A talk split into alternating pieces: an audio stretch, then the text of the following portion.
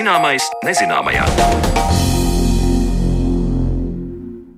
Esiet sveicināti redzējumu zināmais nezināmajā kopā ar jums un turpmāko stundu šeit studijā Sandra Kropa. Nu, esam uzzinājuši, kas ieguvuši Nobel prēmijas dažādās nozarēs, un par vairumu no šiem apbalvojumiem runāsim arī redzījumā zināmais nezināmajā. Šodien kārta pienākusi fizikai, kur līdzīgi kā pērn, arī šogad zelta medaļu, ja tā var teikt, zinātnes olimpiskajās spēlēs ir ieguvuši pētījumi kosmoloģijā un astrofizikā. Nobel prēmija fizikā ir piešķirta zinātniekiem par melno caurumu pētījumiem, ko nozīmē šis atklājums un vai apbalvojums ir tieši pelnīts šajā gadā. Par to visu mēs runāsim e, atlikušajā raidījuma daļā. Taču pirms tam stāsts par kādu latviešu fiziķu, kas bija ļoti tuvu Nobela prēmijas saņemšanai. Latviešu izcelsmes amerikāņu fiziķis Jūras Upatnieks par savu izgudrojumu savulaik arī izvirzīts Nobela prēmijai. Viņš ir optikas inženieris, hologrammas pielietošanas izgudrotājs un Rīgas Tehniskajā universitātē zinātniskajā bibliotēkā glabājas Jūra Upatnieka pierakstu un publikācijas. Par šo Upatnieku atstāto mantojumu un viņa ieguldījumu hologrāfijas izgudrošanā plašāk klausieties Zanes Lācis ierakstā. Te ir tāfeli, tad te ir arī uzrakstīts 2000. Eh, 13. gada 12. septembris. Viņš pie mums uzstājās seminārā. Un stāstīja par to, kā viņi ir atklājuši līnijas hologrāfiju. Un te viņš arī skicējis, ir, kā tas viss ir noticis. Jā, sākotnēji, ja mums ir runa šī brīvība pētīšana un Rīgas Tehniskās Universitātes Tehniskās fizikas institūta profesors Andris Ozols rāda uz baltu tāfeli, kur ar melnu marķieri sazīmēti grafiski attēli un formulas, ko rakstījis Juris Upatnieks, latviešu zinātnieks, viens no hologrāfiskā attēla izgudrotājiem un par šo izgudrojumu savulaik arī izvirzīts Nobela prēmijai. Juris Upatnieks kā bērns kopā ar vecākiem otrā pasaules kara beigās devās bēgļu gaitās un nonāca ASV. Tur studēja inženierzinātnes un 1961. gadā kopā ar kolēģi Emetu Līcu uzsāka darbu pie telpiska attēla izveidošanas. Rīgas Tehniskās Universitātes Zinātniskā bibliotēka nesen saņēma Jūra Upatnieka pierakstus un publikācijas par šo darbu, bet par to mēs runāsim nedaudz vēlāk. Tagad kopā ar upatnieka kolēģi Latvijā, profesoru Andri Ozolu, mēģināsim izprast, kas bija tas un kā tas izskatās, ko savulaik radīja līdz un upatnieks. Tehniskās fizikas institūta laboratorijā starp dažādiem optikas aparātiem un lāzeru izstarotājiem nelielā statīvā ir iestiprināta stikla plāksnīte, kas dienas gaismā izskatās klāta ar tonētiem rakstiem un apļiem. Bet, ja jūs apskatīsieties, man nekāda attēla tur nav. Es viņu tur attēlu skatīties. Tā ir. Jo, Jūs uzspīdinājāt kabatas lukturīti, jā. bet nekā tur neredzēja. Nu, dabīgi, jā, tāpēc, ka tā nav, nav konkurenta gaisma. Vienkārša gaisma, jā. Jā, nu vispār, teiksim, vienkārši runāt, kas ir hologramma. Hologrāma stipri, kā jūs redzat, atveras no te nekāda attēla neredz. Ja? Bet varētu teikt, ka viņš kaut kādā mērā ir nošifrēts. Tas nav nekas cits kā sarežģīts difrakcijas režģis. Vai zināt, kas ir režģis? Nu, vienkārši nu, tādu nesavilkt līnijas, tas būtu vienkārši kas reizes. Nu, Šis ir sarežģīts, reizes viņam tās līnijas tur visādas līkas un šķības un, un visādi vērsumi, ja? bet būtībā režģis vien tas ir. Un tas nu, neatgādina attēlu. Var teikt, tas attēls tur ir iekodēts. Jā, faktiski pareizi runāt būtu par hologrāfisko kodu.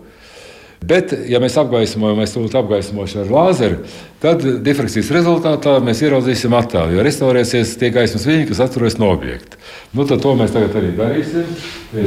Te man ir, kāpēc man ir mans stariņš ir pats, te, ir sar, stars, ja? lāzera stars, es redzu, iet sarkans signāls. Jā. Jā. Nu, lāzera stars. Un, tā. Tā lūdzu, nākiet lūdzu šeit, ja skatīšanās jānotiek šeit, tā kā caur lodziņu šeit kaut kur, ja? Tā, tā, tā, tā, tā. Tā, lūdzu, nu, apskatiet, vai jūs kaut ko tur redzat, vai nē, es skatos kā caur lodziņu. Jā, es redzu šāda galdiņu ar figūrām. Lūk, tur zirgs un tornis un, un dāma. Prasās pielikt, iebāzt pirkstu un paņemt. Plaknē mēs skatāmies uz telpiskā tēla. Jā, tas, tas ir ļoti svarīgi, ka var mm. plaknē iekodēt telpiskā tēla. Jāteic, ka pagājušā gadsimta vidū līdz un upatnieks nebija pirmie un vienīgie, kas mēģināja uzkonstruēt šādu telpisku attēlu. Ir jāmin arī Lielbritānijas zinātnieks Denis Gabors, kurš praktiski bija celmlauzs hologrāfiskā attēla izgudrošanā, un arī Padomju Savienībā dzīvojošais zinātnieks Jurijs Deņis Juks, kurš arī 1962. gadā strādāja pie hologrammas izveides. Visi šie zinātnieki bija pretendenti Nobela prēmijai. Tātad Nobela prēmiju 71. gadā saņēma Denis Gabors par hologrāfijas izgudrošanu, bet tur bija liela cīņa par to, kam dot. Jo bija vairāki godājami cilvēkam, taisnība sakot, būtu jāsaņem. Protams, Juris Upnieks un Emīls Līs, tad Juris Deņš Juks, bet arī es neesmu pieminējis arī Stevens Bentons. Tās ir tā saucamās varavīgas holograms, kuras ir plānas holograms, bet var lietot, eh, redzēt baltā gaismā. Tikai viņām nu, drusku viņas nav, nu, jūs esat redzējuši, teiksim, uz vīzām. Ja? Domāju, vai naudas zīmēm? Naudas zīmēm vai kā. Tad es saprotu, ka tolaik 71. gadā bija četri pretendenti Jā. hologrāfijas laukā uz Nobela prēmiju. Jā, Jā. pat vairāk. Nu, rezultātā kas sanāca? Kaut kādi pieci cilvēki, bet pēc Nobela prēmijas nolikuma var tikai trīs saņemt. Un, nu, tad tie nu, nezināja, kam dot, kam nedot. Tad beigās nolēma atdot vienam. Tā kā var teikt, ka jūras upatnieks no latviešu eh, fiziķiem, nu vispār no latviešu zinātniekiem, vistuvāk ir stāvējis pie Nobela prēmijas. Ja viņa kandidatūra tika reāli apspriesta, nu, diemžēl šī apstākļu sakritības dēļ viņš viņu nesaņēma. Tālāk profesors Andris Ozols mani aizved uz Rīgas Tehniskās Universitātes Zinātnisko bibliotēku, kur novietota paliela plastmasas kaste, kurā akurāti ir sagrupētas mapes. Tās ir jūra upatnieka publikācijas un pieraksti par pētījumiem gan hologrāfijas, gan optikas laukā. Tā kā sirmais profesors pēdējos gados veselības problēmu dēļ uz Latviju tik bieži vairs nebrauc, tad viņš uzticēja šo materiālu Andrim Ozolam, ko tagad tik viens interesants var aplūkot minētajā bibliotēkā. Un te ir viņa tā teikt mantojums zinātniskais. Tas mantojums ir vienā kastē. Tās ir daudzas, daudzas. Tagad man jāprasa jums, kas tas ir, uz ko es skatos. Tās ir publikācijas. Nu, konkrēti te ir tie raksti, jā, tā raksti, patenti. Tas ir viņa rokraksts, jā? Viņa rokraksts, un viņš viss sagrupēs. Te, te nekas nav mainīts. Pats svarīgākais faktiski šis sākotnēs ir arī chronoloģis pirmais. A, viņš visi salicis mapēs. Mapēs, jā. jā. Redziet. Šis tas ir 72. gads, tas viņa slavenākais darbs, ar ko var teikt hologrāfija. Nu, vispār jāsaka tā, hologrāfiju izgudroja Denis Gabors 1948. gadā. Bet tā bija tā teikt, tāda vienkāršais hologrāfijas veids, pēc tam viņam nebija lāzera, bija ļoti sliktas kvalitātes attēli un viņi kur neieviesās. Kas ir hologrāfija? Hologrāfija ir viņa ierakstu un nolases metode, kas balstās uz šo viņa interferenci un difrakciju. Tā ir precīza definīcija. Salīdzināms ar fotografiju. Fotogrāfijā nu, mēs vienkārši noknipsējam un ir. Ja? Bet mēs faktiski noknipsējam gaismas intensitātes sadalījumu. Bet tie ir plakani attēli. Bet fotografijā reģistrējam tikai gaismas intensitāti, kas ir proporcionāla amplitūdas kvadrātam. Tad tā ir faktiski tikai amplitūda. Un tas ir tas iemesls, kāpēc fotografijas ir plakanas, nav trīsdimensionāli. Bet Denis Gabors izdomāja principu, kā ieiešot papildus staru atbalstu un izmantot gaismas viļņu saskaņotību laikā un telpā reģistrēt arī fāzi, jo tieši fāze ir atbilstīga pat trešo dimensiju. Teiksim, mums ir divas acis. Kāpēc tas tā ir? Nu, mēs redzam, ka tur māja ir. Un es viņu redzu drusku savādāk, kā labo un kreiso acis. Mūsu smadzenes šos abus attēlus savieno un uzkonstruē mums trīsdimensionālu attēlu, ko mēs redzam. Tas ir cits smadzeņu darbības produkts, ko mēs redzam. Nu, lūk, bet fotografijā tā nav, tāpēc viņi ir plakā. Nu, un, lūk, Gabors izdomāja, ka tā var šo interferences un difrakcijas principu, bet eh, rezultātā tāds bija praktiski ļoti nu, praktiski nelietojams. Ja? Tad, lūk, 1960. gadā tika izdomāts lāzers. Un uh, Emets Līs un Jūras upatnieks izdomāja metodi ar atdalītiem atbalstu un priekšmetu stariem. Un rezultātā var iegūt ļoti kvalitatīvus holograms, un tad īstenībā sākās hologrāfijas strauja attīstība. Un šis ir tas raksts, ar ko viņš sākās. Redziet, Reconstructed Wavefronts and Communications Theory. Tas ir diezgan teorētisks darbs. Ir, ja? Bet tas ir tas faktiski viņa galvenais darbs. Izdots 1962. gadā, publicēts oktobrī. Tas ir interesanti, kā viņi līdz tam nonāca. Es redzēju, tev zēja figūra communication theory, tā ir sakara teorija. Lieta tāda, ka gan pats Emets Līs, gan arī Jūras Opatnieks, Jūras Opatnieks ir beidzis Sakronas Universitātes elektrozinību fakultāti. Nu, faktiski inženieri elektriķi. Un tajā laikā viņi nemaz nebija domājuši, ka viņi izdomās tādu hologrāfijas jaunu metodi. Bet viņi militāros nolūkos strādāja Vilorānas laboratorijā pie sekojošas problēmas, kad no satelītiem un no lidmašīnām tika uzņemta radio viņa diapazonā teiksim, zemes virsmas attēli, un bija viņa jādabūna optiskā diapazonā. Un to viņi domāja, varēs izdarīt ar Gabora metodi, bet, kad viņi to darīja, viņiem tur lāga nesanāca. Un tad viņi tādēļ bija spiest izdomāt savu metodi, kas tos daudz augstākas kvalitātes attēlu. Un interesanti, ka pie tā viņi būdami elektroinženieri nonāca nu, ar sakaru teorijas terminiem, tādiem kā nesēja frekvence, amplitūdas modulācija un tādas lietas, kas jums ir sveši. Bet to visu var pārfrāzēt optikas jēdzienos. Nu, viņi to arī izdarīja. Pirmais objekts, ko viņi uzņēma, bija viņa laboratorijā. Bija viens kolēģis, kuram bija dēls un kuram bija rotaļvilcieniņš. Tad viņi lūk šo rotaļvilcienu arī bija uzņēmuši. Tad nu, visi bija pilnīgi pārsteigti, cik viņš šausmīgi telpisks ir. Gan viņi, viņi paši arī tā skaitā. Tā tad nu, viņi skatījās uz attēlu, uz plakni. Redzēt, un tur bija tas te, nu, trīsdimensionāls attēls. Jā. Jā. Redziet, kas paliek. Tā tad uh, hologramma dod uh, no priekšmeta atstaroto viļņu optisko kopiju. Redziet, teiksim, es jūs, un jūs man redzat, kāpēc. Ja būtu tumšs, mēs neredzētu. Tāpēc, ka nu, teiksim, manās acīs nonāk no jums atstarotie viļņi. Bet īstenībā nav nepieciešams, lai jūs te stāvētu ar mikrofonu. Te varētu būt tumšs, bet būtu hologramma, ko mēs apstarojam. Un, ja tie viļņi tiek atstaroti, tad es redzu jūs tā, it kā jūs te stāvētu. Lūk, tas ir tas hologrāfijas princips, kāpēc ir trīsdimensionāli attēli. Tas būtībā hologrāfijas attēls ir priekšmeta optiskā kopija. Tie ir tie viļņi.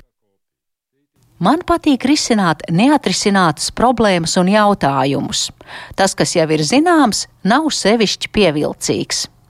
Tā savulaik intervijā žurnālam Jaunā gaita ir teicis profesors Juris Upatnieks. Šajā mūsu arhīvā ierakstā par latviešu izcelsmes amerikāņu fiziķu Jūru Upatnieku zinātnisko mantojumu stāstīja Rīgas Tehniskās Universitātes Tehniskās fizikas institūta profesors Andris Ozols, un ar viņu sarunājās mana kolēģe Zane Lāca. Bet par Nobel prēmiju, kas fizikā piešķirta šajā gadā, mēs parunāsim raidījuma turpinājumā.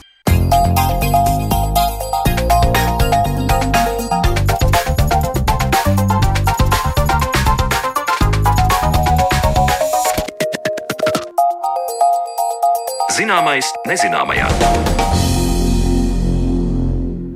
Nobela prēmija fizikā šogad par došanos īstenībā nezināmajā piešķirta melno caurumu un pienceļu noslēpumu izzināšanu. Par to, cik nozīmīgi ir šo trīs zinātnieku atklājumu un kādas citas iespējas šīs zināšanas ir pavērušas, mēs runāsim raidījuma atlikušajā sadaļā, jo mūsu studijā ir divi Latvijas Universitātes fizikas, matemātikas un optometrijas fakultātes profesori Mārts Cauziņš un Vjačeslavs Kašķējos. Labdien jums abiem! Labdien! Labdien. Pirms mēs sākam šķietināt, par ko tad īsti šogad ir šis lielais sasniegums un apbalvojums Nobel prēmija fizikā piešķirta, var teikt, ka atkal tādus uzvaras laurus mums plūc kosmoloģija un viss tas, kas ar astrofiziku un astronomiju ir saistīts. Nu, astrofizika un fundamentālā fizika būtu precīzāk, kosmoloģija ir šīs te.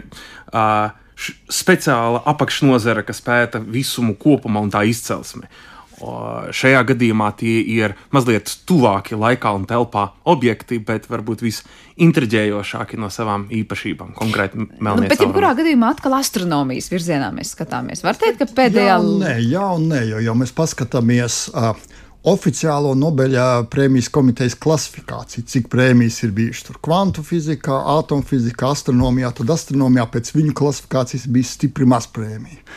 Protams, tas nozīmē, ka visi šie pētījumi ir stipri starpdisciplināri.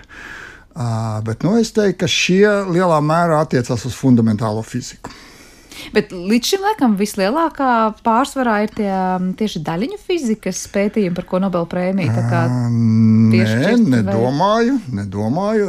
Es tagad vairs neatceros to statistiku, var paskatīties. Tur bija ļoti daudz atomu molekulu un optiskajā fizikā, kas patiesībā ir viena no kvantu fizikas sadaļām sadaļa kvantu fizika kā tāda. Man tas bija neliels pārsteigums, jo man liekas, ka tas viss ir kvantu fizika. Mm -hmm. Tur tas klasificēto prēmiju skaits bija samērā neliels. Es domāju, ka, ka lielā mērā daudzas prēmijas tādā vai citādā fizikā, tāda nozīmē ir saistīts ar teiktu, kvantu fiziku. Tas ir tas atslēgas vārds, Vjačeslavs, pie. Nu, uz to var arī paskatīties, teiksim, pēc tādiem vispārīgiem kritērijiem, ko Nobeļa komiteja komunicē, ko viņi meklē uh, savos laureātos un, un uh, attiecīgi pieteikumos. Un tur ir nu, viens uh, žanrs, ja tā varētu teikt, ir uh, tiešām fundamentāli atklājumi, kuri uh, pavirza mūsu zināšanu robežas, paplašina mūsu zināšanas robežas. Lūk, tur, protams, tieši fizikā no svāra ir kādu teorētisku paredzējumu, eksperimentāla apstiprināšana, kad ir nepārprotams tas efekts vai, vai, vai, vai, vai teorija. Un šī gada prēmija ir vairāk no šī žanra. Otrs, protams, ir tādi specifisku fizikas efektu pielietojumi vai tādi tehnoloģiski, tehniski risinājumi, kas nāk bieži vien no vajadzības atkal izpētīt to fundamentālo zinātni, bet kuri ir raduši ļoti plašu pielietojumu un ir transformējuši sabiedrību. Ja? Lūk, un zināmus elementus, arī tās tehnoloģijas, piemēram, kas tika izmantotas, lai veiktu šos ļoti precīzus astronomiskus novērojumus, tiem ir arī plaši pielietojami un, un, un tālējuši sekas. Par to, protams, arī mēs parunāsim, bet man liekas, ir īstais brīdis paskaidrot īsti un sīkāk izstāstīt, par ko šogad tā Nobel prēmija fizikā ir piešķirta. Es saprotu, nu, mēs vienkārši sakam par melno caurumu pētīšanu. Tas ir tā ļoti plaši. Kā jūs tā korektāk nu, izteiktos? Nu, vispirms viņai ir uh, izteikti divas daļas. Un mēs paskatāmies, tad, kad Nobela prēmijas tiek piešķirtas. Es tagad esmu kādreiz atvēris lapu vaļā. Tur pie Rodžera Penroza stāv viena puse, un pie pārējiem diviem Nobela laureātiem pie katra viena ceturtdaļa. Tas nozīmē, ka, ka patiesībā tie ir divi ļoti stipri saistīti, bet tomēr neatkarīgi pētījumi. Tas, ko Rodžers Penrose ir dabūjis Nobela prēmiju, es domāju, ka daudziem tas bija ļoti negaidīti, jo Nobela komiteja vismaz manā sapratnē un, un sajūtā ir diezgan konservatīva komiteja un uh, cilvēkus, kuriem ir daudz uh, traku ideju, ja tā var teikt. Rodžeram Penrozam vienmēr bija daudz traku ideju. Uh, viņi kaut kā vienmēr uh, nenonāk tādā uh, Nobeļa komitejas uzmanības lokā, jo mums jāsaprot, ka Nobeļa komiteja ir uh, Zviedru Karaliskās Zinātņu akadēmijas cilvēki, tad patiesībā relatīvi šaurs cilvēku lokus. Un uh, nekādā veidā nepārmetot viņiem kaut kādu, uh, nezinu, uh, savas intereses vai kaut ko tamlīdzīgu, bet skaidrs, ka uh, katram cilvēkam ir kaut kāda savas sajūta, kas, kas ir patiešām nopietna un kas nav. Un Nobeļa komiteja, es domāju, ka ir izcēlusies un ir diezgan daudz cilvēku, kā piemēram ir tāds Antons Ceilingers, kvantu fizikā, kuru gadus desmit, piemēram, lielākā Eiropas fizikas biedrība, Lielbritānijas fizikas biedrība, tuvojoties Nobeļa prēmijai, saka, šogad ir Antons Cēlīga ar kārtu. Viņš nav brits, viņš ir austrietis. Līdz ar to tur arī nav tādas tiešas ieinteresētības. Uh, viņš nekad nav dabūjis tieši tā iemesla dēļ, ka viņam arī ir diezgan daudz traku ideju. Tad, tad Penrozam, teikt, nepatīk traks idejas, bet Penrozam ir tā, kad jūs sakāt, viņam, uh, nē, nu, patiesībā tas, ko viņš izdarīja un par ko viņš saņēma savu Nobela prēmiju, ir uh, 65. gadā izdarīts pētījums Birbekas koledžā, kas patiesībā ir ļoti interesanti, jo viens no maniem ļoti izciliem skolotājiem, Jāzeps Eidus, ir beidzis Birbekas koledžu, jeb nu, bija beidzis Birbekas koledžu. Tā kā šeit ir kaut kādas paralēlas arī ar, ar šīm lietām. Un tas, ko viņš izdarīja, uh, es paskatījos to, to darbu, par kuru viņš saņēma Nobela prēmiju. Uh, Penrose vienmēr saka, ka viņ, viņam patīk vizuāli domāt, nevis formulās. Lai gan viņš pēc izglītības ir matemātiķis un patiesībā ļoti matemātisks fiziķis. Un tādā darbā, par ko viņš saņēma Nobela prēmiju, nav nevienas formulas. Ir viena diezgan izvērsta bilde ar roku viņa zīmēta. Schēma tāda kā? Uh, nu, es pat neteiktu, es teiktu bilde, mm -hmm. uh, kurā viņš ir ir vizuāli uh, domājis. Un tas, ko viņš uh, darīja, uh, viņš teica, ka, ka Jā, tātad melno caurumu centrā ir jābūt ļoti dīvainām īpašībām. Lai viņas paredzētu, tiek skatīts, ja man tāds absolūti ideāla bumba, un ja viņa sabrūk uz iekšā, nu tad centrā būs pavisam noteikti singularitāte. Mēs zinām, ka dabā nekas nav ideāls. Līdz ar to tā zvaigzne vai, vai, vai, vai tā, tas kvazārs, kas, kas sabruks tur uz iekšā, uz iekšā, noteikti viņam ir kaut kādas asimetrijas. Un tad jautājums, ka kaut kādas daļas neaizlido tam centram garām, un iespējams, ka nekāda īpašais punkts vidū neveidojas, ka viņš parādās tikai teorētiski, tā ka ja, mums viss ir šausmīgi simetrisks. Un uh, Penrose izpētīja un, un principā uh, matemātiski, bet grafiski pierādīja, ka, ka, ka, ka, ka pat tad, ja tas objekts nav īsti simetrisks, nav absolūti ideāla bumba, ka centrā joprojām tas melnā cauruma īpašā daļa, ja tā var teikt, tas punkts, kurā kur viss notiek absolūti vairs ne tā, kā mēs esam pieraduši, ka tas joprojām izveidosies. Bet tas laiks, kad viņš veica šo pētījumu, tajā laikā, ko cilvēki zināja par melniem caurumiem? Tas jau bija daudz vai maz zināms? Kaut? Es teiktu, ka patiesībā bija ļoti daudz zināms. Nu, tādā nozīmē, ka vēl pirms relativitātes teorijas rašanās bija doma, ka, ka melnie caurumi varētu būt. Varētu būt tik spēcīgs gravitācijas lauks, ka gaisma no viņa netiek ārā. Tad no Einsteina vienādojumiem vispārīgās relativitātes var teikt, ka caurumi, melnie caurumi tur ir atrodami. Bet ko daudzi pētnieki apgalvo, ka, ka, ka ja mēs to vienādojam šādā īpašā situācijā gribam atrast, tad ne Einsteins varēja viņu līdz galam atrisināt, ne cilvēki pirms Penrose varēja līdz galam atrisināt. Penrose teica, ka viņš arī nevar līdz galam atrisināt matemātiski, bet viņš var radīt šo te grafisko modeli un šādā veidā patiesībā diezgan uh, pārliecinoši, ja ļoti pārliecinoši pierādīt, ka, ka, ka, ka tie caurumi būs ar tādām īpašībām, kādas nu, viņi tādā naivā modelī var, var paredzēt, ka arī tādā reālā, reālā dzīvē viņi tādi paši vien būs. Mm -hmm. Jā, tas gribēja ko piebilst. Nu, es no savas puses, jā. man kā teorētiskās fizikas katedras pārstāvim arī liels prieks par uh, Rodžera Penrose uh, balvu, uh, jo tā. Uh, tas sasniegums un tas ieguldījums ir rast veidu, kā domāt par lietām, kas atsedz to īpašības, atrast tieši pareizo domāšanas veidu. Un šeit tiešām es pilnīgi piekrītu Mārcim, ka tā varbūt tā, nu, tā, tā, tas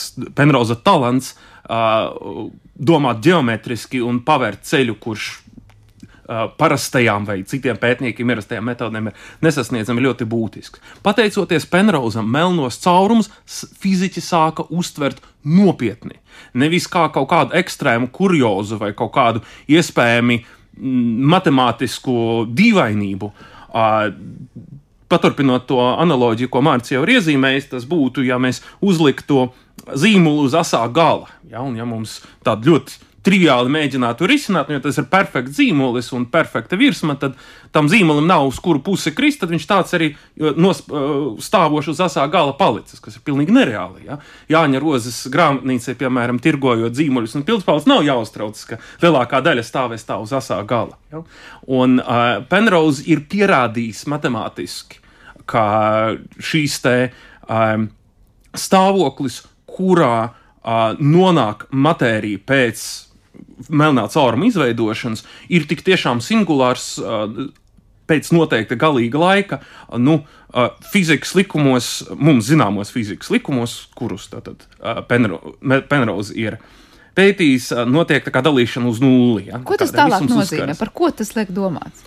Uh, par to, atklājums? kā uh, vispārīgā relativitātes teorija uh, pie tā, ka tā ir vispilnīgākā gravitācijas teorija, kas saskana ar visiem mūsu līdzinējiem novērojumiem, nav pilnīga, ka tajā iekšējā, iekšējā pretruna, un tā nav tikai kaut kāda ekstrēma matemātiskā kuriozitāte, bet uh, tā izpaužas realitāte, un ir jāmeklē tādi astrofiziski objekti, kur šie nosacījumi, pēc kuriem esošas teorijas pārstāja darboties, realizējas. Un šādi pavisam īpaši uh, ne tikai šajā gadījumā teorētiski matemātiski objekti, bet fizikāli objekti ir melnie caurumi. Un tā uh, Nobeļa prēmijas otrā puse, kur tad starp diviem, divu, divu kolektīvu līderiem ir sadalīta, tur stāsts ir par to, kā pakāpeniski gūt nepārprotamas liecības par vienas no melno caurumu klasēm. Ja, un, un tie ir uh, ļoti lielas masas melnie caurumi galaktiku centros. Šajā gadījumā mums vispieejamākajai novērojamiem galaktikai piena ceļam.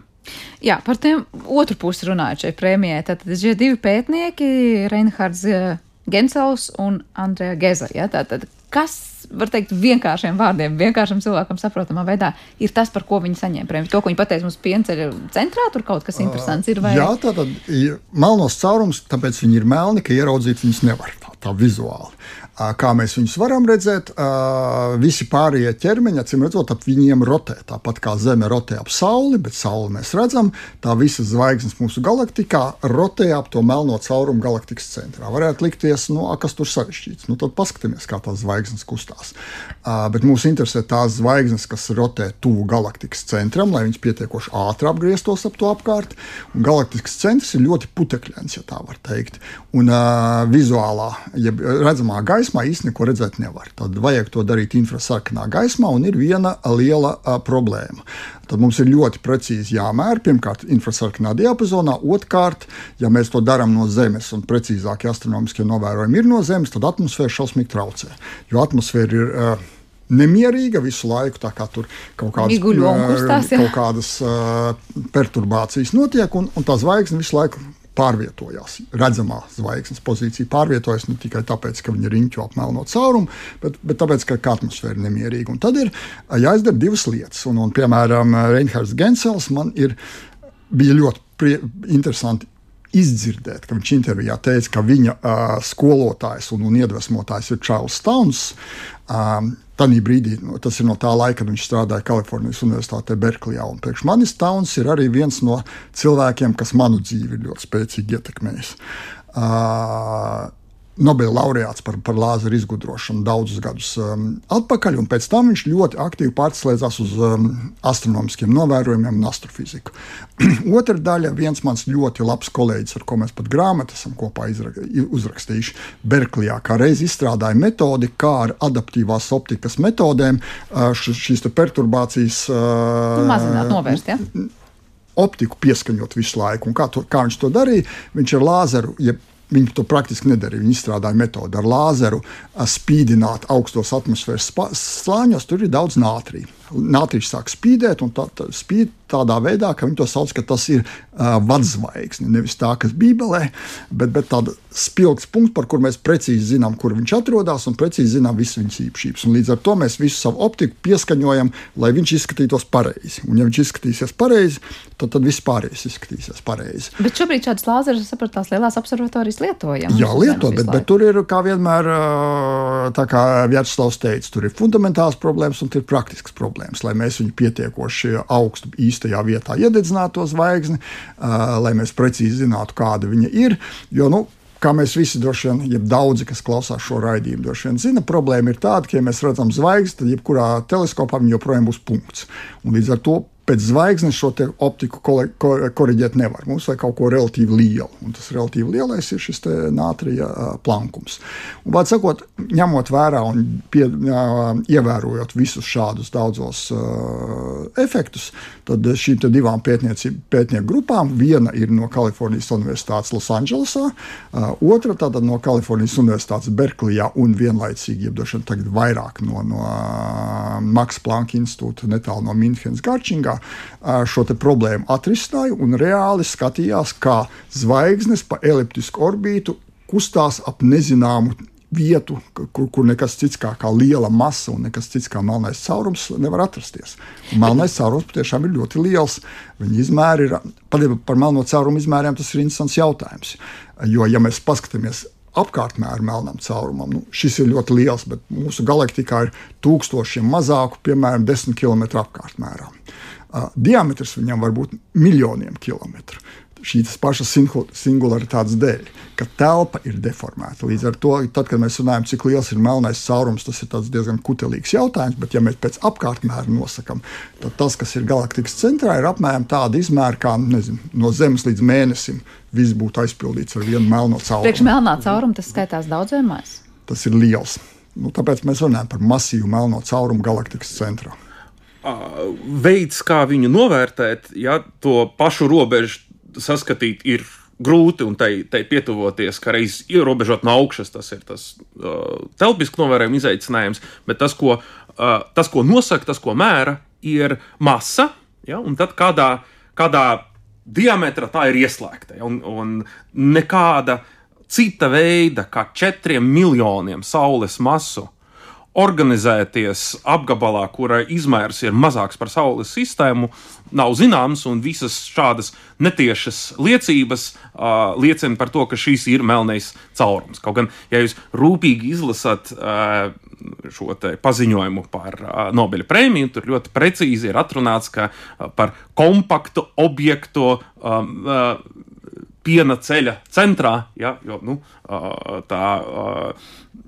šaubu, ka tas ir melnais caurums, ir ļoti maz, bet eh, vienmēr jābūt ļoti precīzam un jāparedz uh, pārsteigumiem. Šie pētnieki aprēķināja, cik viņš ir liels un kāds viņš ir, vai viņi ta, viņu ir, nu, var teikt, pateic, viņš tur ir? Viņi ieraudzīja zvaigznes, kuras ir pašā melnā cauruma tuvumā, un veicot uh, novērojumus vairāku gadu un gadu desmitu gaitā, noteica šo vistuvāko uh, uh, zvaigžņu orbītas. Tas tā kā mēs esam pieraduši, ka Saules sistēmā centrā ir Saule, un tā ir tik masīva, ka ir daudz, daudz smagāka par uh, planētām. To var uzskatīt par atskaites punktu, un tad tās planētas visas riņķo apkārt Saulei. Te ir zināma vēsturiska analoģija. Tāpat kā mehānikas likumus un, un saules sistēmas likumus izdevies atšķietināt, pateicoties ļoti precīziem, sistemātiskiem novērojumiem. Dāņu astronoms Tiho Brahe ļoti rūpīgi vēroja Marsa pozīciju, pierakstīja daudzus mēnešus, daudzus gadus pēc kārtas, uz kā pamata vēlāk Keplers atklāja, ka tās orbītas ir elipses. Un šādas Keplera elipses ieraudzīja šī gada Nobeļa prēmijas laureāti. Tikai šajā gadījumā par to centrālo masīvo atskaites punktu kalpo šīs gigantiskais melnais caurums. Savukārt citas zvaigznes, kuras pēc izmēra ir salīdzināmas ar mūsu Sauli, tā kā tādas planētas riņķo apkārt. Ja? Un, uh, nu, mums cilvēka, cilvēka dzīvi ja, mēs mēram gados. Ja? Un šeit, uh, kāpēc? Tāpēc, ka raksturīgais Saules sistēmas izmērs uh, nosaka to, cik ātri Zeme apriņķo apkārt Sauli. Tad, lūk, šīm centrālajiem melniem caurumam vistuvākās zvaigznes apriņķošanas periods ir nieka 16 gadi. Kāpēc es saku nieka? Tāpēc, ka, piemēram, Saules, mūsu Saules sistēmas apriņķošanas periods ap galaktikas centru, ap to pašu centru, ir 200 miljoni gadu. Ja? Līdz ar to tas raksturīgais izmērs jau no šī perioda vien mēs varam saprast, ka tas ir kaut kas salīdzināms ar Saules sistēmu. Tikai šeit ir nu, daudz, daudz pārākā mērogā gan tas centrālais, īpašais objekts, gan uh, planētu veidā atsevišķas zvaigznes, atsevišķas saules, kas tam apkārt riņķo pa eliptiskām orbītām. Es saprotu, ka šie abi pētnieki to atklājumu izdarīja 90. gados, kaut kad tas notika. Ja? Var teikt, ka tas, kas bija tajā 65. ja nemaldos, bija tāds pirmais solis, vai tas tas varēja notikt neatkarīgi viens no otra? Es domāju, ka tas lielā mērā gan notika neatkarīgi viens no otra, gan, gan, gan varēja notikt neatkarīgi viens no otra, jo uh, Rodžera Penroza pētījums bija teorētisks. Uh, viņš patiesībā reaģēja uz vienu dažus gadus iepriekš publicētu darbu, kurš teica, ka, ka redziet, absolūti sfērisks objekts sabruks melnā caurumā, un, un tur centrā būs šīs te, uh, singularitātes un, un īpašā situācija, un liela daļa pētnieku tajā laikā šo darbu apšaubīja. Teica, ka tas attiecās tikai uz absolūti simetrisku objektu. Ja man ir absolūti ideāla lode, masas, tad viņa sabruks vienā punktā, bet tad brīdī, kā es teicu, sākumā, ja viņi ir drusku nesimetriski, tad kaut kāda daļa aizlidos garām tam centram, jau var teikt, un nekāda singularitāte neradīsies. Un Penraus parādīja, ka arī tādam ne līdz galam ideālam objektam situācija būs eh, tieši tāda pati. Līdz ar to tas bija lielā mērā teorētisks pētījums, kuram tajā laikā droši vien neviens nedomāja, ka viņi eksperimentāli kaut tuvākā laikā kāds varēs pārbaudīt. Un patiesībā lielā mērā šis eksperimentālais darbs arī tieši nepārbauda Pen Penrose teoriju. Viņš vienkārši konstatē šī masīvā melnā cauruma eksistenci, vai kā Vjačslavs teica, Nobeļa komiteja vienmēr ļoti izvairīga un ļoti piesardzīga formulējumos tādu masīvu objekta galaktikas centrā eksistenci un kas notiek pašā melnā cauruma centrā. Jo patiesībā tas, ko Penrose domā un analizē, nav pat paša melnā cauruma izveidošanās, bet kas ir pašā melnā cauruma vidū, pašā melnā cauruma centrā. Bet kāda ir tā viņa atbilde? Kas ir tajā pašā centrā? Cik tālu viņa atbildes sniedz? Viņa atbilde ir tāda, ka tādā vietā pārstāja darboties mūsu pierastie fizikas likumi, tāpēc tā ir singularitāte, kā Vjačslavs arī sākotnēji teica. Tad, kad mēs dalām ar nulli, tad matemātikā mēs sakam, ar nulli dal, dalīt nevar un tam, tam nav jēgas šādam te, uh, atrisinājumam. Tad, bet ja reāli tāda situācija izveidojās, kur tā, nu, tā tēlēni sakot, dalīšana ar nulli punktā notiek, nu, tad jautājums, kas tur ir. Un, un es domāju, ka Penrose, tad, kad es teicu, ka viņam ir varbūt neordināras idejas, šobrīd mēs zinām, ka viens no joprojām tādiem ļoti interesantiem un neatrisinātiem jautājumiem ir kvantu gravitācija, kad mēs kvantu mehāniku mēģinām salikt kopā ar gravitācijas teoriju. Un šobrīd, ja vispārējo relativitātes teoriju, un šobrīd nu, tāds pamatdomāšanas veids ir, ka kvantu fizika atcīmredzot darbojas visur tā, kā viņa darbojas. Telpas īpašības mums ir jāsāk kaut kādā veidā modificēt, saprast, kas tur notiek ekstrēmajā punktā. Un, un Penrose saka, ka pēc viņa domām arī kvantu fizika tur ir jāmodificē tādā punktā, ka, ka tā patiesība ir tad, kad abas teorijas kaut kādā veidā tiks uh, pieskaņotas, pilnveidotas, paplašinātas. Tā kā kaut tā kādā tālāk. mērā taisnība kaut kur ir vienai un otrai teorijai, un arī ne patiesība ir gan vienai, gan nu, otrai teorijai. Abām ir taisnība pilnīgi visur, kur vien mēs to varam novērot. Bet iekšēji mēs varam secināt, kuras ir tās robežas, kuri kur būtu tie teorētiski apstākļi. Kur ar šiem nepietiks, un tās ir jāpaplašina. Protams, ar to kvantu teoriju ir tā, ka nu, eh, pat ikdienišķajā formulējumā tur zināma iekšēja filozofiska pretruna, ja, un tās atrisinājumi visi fiziķi tā kā citādi gaida. Tas, protams, netraucē viņam to praktiski pielietot. Un, un viens no tādiem neordināriem virzieniem, kura šā, kurā šādu risinājumu meklēt, tas saucamais Penrose mehānisms, ir tieši tas, ko arī vēlākajos gados uh, Rodžers Penrose ir uh, pētījis un arī piedāvājis eksperimentus, kuriem reāli eksperimenti, laboratorijas eksperimenti ar gravitējušiem ķermeņiem pakāpeniski pievienojas, lai saprastu, vai tā nav tiešām šī īpašā lielo mērogu gravitācijas miedarbība, kura nosaka arī visu kvantu mehānisko uh, likumu pielietojumā pielietojamības robežu. Ja? Bet, Jā, par to, kas notiek tālāk tajos gados. No vienas puses, var teikt, kāds ir tā, nu, šo abu divu pētījumu, par ko šī Nobela prēmija tiek piešķirta. Nu, tālākais, kā, nezinu, platforma citiem pētījumiem, ko tālāk esam pasaulē sapratuši, izmērījuši, ieraudzījuši, pateicoties tam, ko viņi ir savulaik atklājuši. Un nu, savu, jā. Jā, nu, viena tēma, kas, protams, vienmēr tiek aktīvi diskutēta, un arī šī kontekstā tiek diskutēta, uh, Stevena Hawkinga melno caurumu izgarošana. Jo tad varētu jautāt, nu tad viss tagad krītanī melnā caurumā iekšā. Nu, pēc kaut kāda brīža visa pasaule būs tikai viens milzīgs melnais caurums. Uh, jo, jo, jo viss matērija, nu, patiesībā tur arī ir jautājums matēri, par, par matērijas esamību tur ir sarežģīti runāt. Tad, kad uh, Vjačslavs teica, ka viņi ir ļoti masīvi, tad droši vien mēs masīvumu domājam enerģijas nozīmē. Tādā nozīmē, kā Einsteins teica, MC kvadratā ir enerģija, tātad masas un enerģijas ekvivalents. Bet tātad, tas, ko, ko, ko patiesībā kaut kādā mērā uh, diskutējot, jo viņi strādāja vienā universitātē, Hawkins un Penrose, par to, uh, kas tālāk ar melniem ķermeņiem notiek un kā kvantu īpašības sāk parādīties melnos caurumos un kā melnie caurumi uh, izklausās pretrunīgi. Mēs sakām, no melnā cauruma gaismā ārā netiek, un tā pašā laikā sakām, ka melnais caurums staro kā absolūti melns ķermenis, un enerģija no viņa tomēr šādas kvantu tuvinājumos ārā nāk, līdz ar to visi tie stāsti. Varbūt mēs visi esam dzirdējuši, sevišķi tad, kad Higsa bozons tika meklēts, kā, kā cernā, protams, arī veidojas melnie caurumi, un vai tūlīt tie melnie caurumi mūs, mūs visus nesasūks iekšā un, un pasaule neaizies uh, bojā. Tātad Tur patiesībā veidojās, iespējams, veidojās melnie caurumi, ļoti mazu izmēru un momentāri pazūd, iztvaiko. Šie lielie arī iztvaiko. Nu, tur droši vien, ka mums šodien nav laika runāt, cik ilgā laikā un cik ātri tas notiek.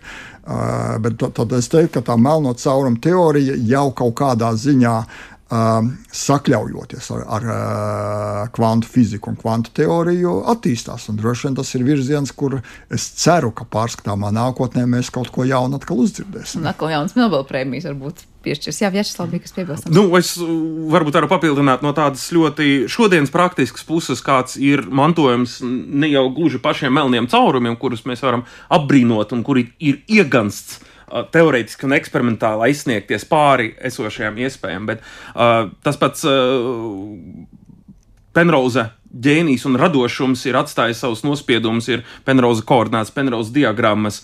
Uh, tā matemātiskā struktūra, kura piemīt gravitācijas teorija, tā tenzoru struktūra, tā piemīt arī daudzdaļiņu kvantu sistēmām, kuras kā reiz šīs kvantu sapinuma īpašības mūsdienās kā reiz cenšas izmantot praktiski kvantu skaitļošanā un citās kvantu tehnoloģijās. Un, lūk, grafiskā valoda, kurā var pierakstīt tenzoru algebras sakarības ir arī ļoti populāra kvantu algoritmu teorijā, un šīs valodas autors ir, ir Rodžers Penrose, Penrose diagrammas tenzoriem.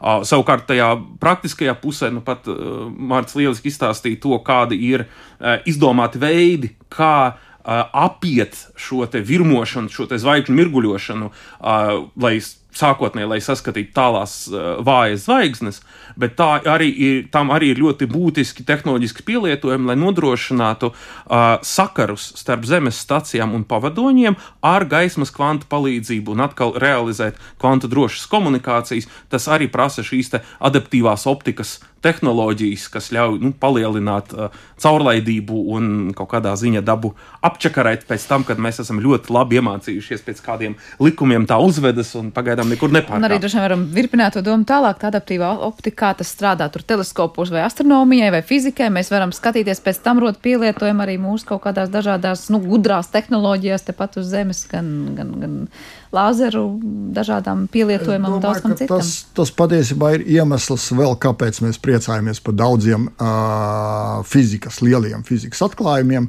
Dažreiz vien, mēs arī šī studijā esam runājuši piemēram par drusku saistītu lietu gravitācijas viļņiem, uh, kur ļoti maz fiziķis uzdrošināšos apgalvot šaubījās, ka tad, kad uh, precizitāte ļaus, tad mēs viņus ieraudzīsim. Bet uh, tā precizitāte ir, un es vēlreiz to gribu nosaukt. Mums ir 4 km liels attālums. Mēs skatāmies gravitācijas viņa ietekmē, cik viņš kļūst garāks. Un viņš kļūst garāks par tūkstošo daļu no kodola izmēriem, no atomu kodola izmēriem. Un mēs to mākam nomērīt. Mēs to varam nomērīt. Un skaidrs, ka šāda precizitāte un, un šādas tehnoloģijas, kas ļauj to izdarīt, atradīs savu pielietojumu ļoti daudzās citās uh, nozarēs. Bet varbūt vēl, ja drīkst vienu sekundi atgriežoties pie tā, ko, ko Vjačslavs teica par šo te uh, Penrozi, kas patiesībā ir universāla un unikāla lieta par šo viņa grafisko domāšanu. Viņam ir kādas piecas, man liekas, uh, tādas populāras zinātniskas grāmatas, bet nu, tādas populāras zinātniskas, tādas nopietnas, kuras tā pirms gulētiešanas neizlasīs, kuras ir jālasa ļoti uzmanīgi. Un viņas ir pilnas ar Penrauza paša ilustrācijām. Un mēs pilnīgi lasot tās grāmatas, redzam, kā viņš domā šajos attēlos un kā viņš domā uh, grafiski. Un es domāju, ka, ka, ka visi, kas mēs profesionāli fizikā strādājam, zinām, ka patiesībā teorētiķu vidū arī ir diva veida cilvēki. Viena, kas domā formulās, un otra, kas domā šādos grafiskos veidos. Jo es vienkārši asociācijā var atcerēties pēc vienas savas lekcijas vienā no Amerikas universitātēm. Man arī patīk grafiskas bildes. Un pie manis pienāca viens ļoti prominents fizikas teorētiķis un teica, klausies, tu beidz man zīmēt tos gurķus un tomātus uzraksti man formulu, citādi es nesaprotu, par ko tu runā. Par to, ka ir dažādi. Un, un kā reiz Rodžers Penrose zīmē šos pēdiņās, sakot, gurķus un tomātus, un tādā veidā saprot lietas, kuras bez šīm, šiem attēliem, bez šīm bildēm saprast varbūt ir neiespējami vai grūti. Jo paliek spēkā tas, ka viņš arī viņš nevarēja tos vienādojumus līdz galam vispārējā gadījumā atrisināt. Bet viņš varēja iedomāties, bet, ja, bet viņš varēja atrast grafiskā veidā, nevis iedomāt. Iedomāties, mēs katrs varam visāds brīnums, bet grafiskā veidā precīzi pierādīt. Uh, pierādīt ar šiem vizuālu domāšanu un grafiskām metodēm. Uh, tas tiešām tas nerastos pārpratums. Uzzīmēt bildi, kura iedvesmo, var ļoti daudz, ja? bet grafiski izteikt precīzu matemātisku domu, ja? tādā veidā, ka tas uh, paplašina mūsu algebriski, algebriskas iespējas. Uh, pašā priekšējā matemātikas vai teorētiskās fizikas frontē, tur vajag tādu līmeņa ģēniju kā Penrose. Jā, nu, lūk, arī viņš saņēma šogad Nobela prēmiju. Es, protams, atkal kārtībā reiz mēs sakām, ka kaut kas ir izdarīts tur 60. gados vai vēl krietni agrāk, bet Nobela prēmiju piešķir tikai tagad. Tas laikam nav ne jaunums, nekas. Tā ir jau tāda labi ieiet konservatīva praksa, vai ne? Nu, tā ir daļēji praksa, pa brīdim tā notiek, un tajos gados, kad mums nav skaidrs, ka šogad būs gravitācijas viļņi vai Higsa bozons, tad vienmēr ir uh, intriga uh, pēdējos mēnešos pirms Nobela prēmijas piešķiršanas. Nu, tad, kurš varētu saņemt, un, un Penrose ir viens no tiem, kas ik pa brīdim ir ticis pieminēts. Eh, bet, kā jau teicu, viņa eh, šo neordināro ideju dēļ, un tās, ko mēs šeit pieminējām par kvantās, tālu nav viņa trakākās idejas. Tās viņa populārās grāmatas, piemēram, ir par to, kā apziņa veidojās caur kvantu fiziku. Un katrs fiziķis, kas iedomājās eh, runāt un domāt par apziņu, uzreiz kļūst tādu aizdomīgo fiziķu sarakstā nonāk.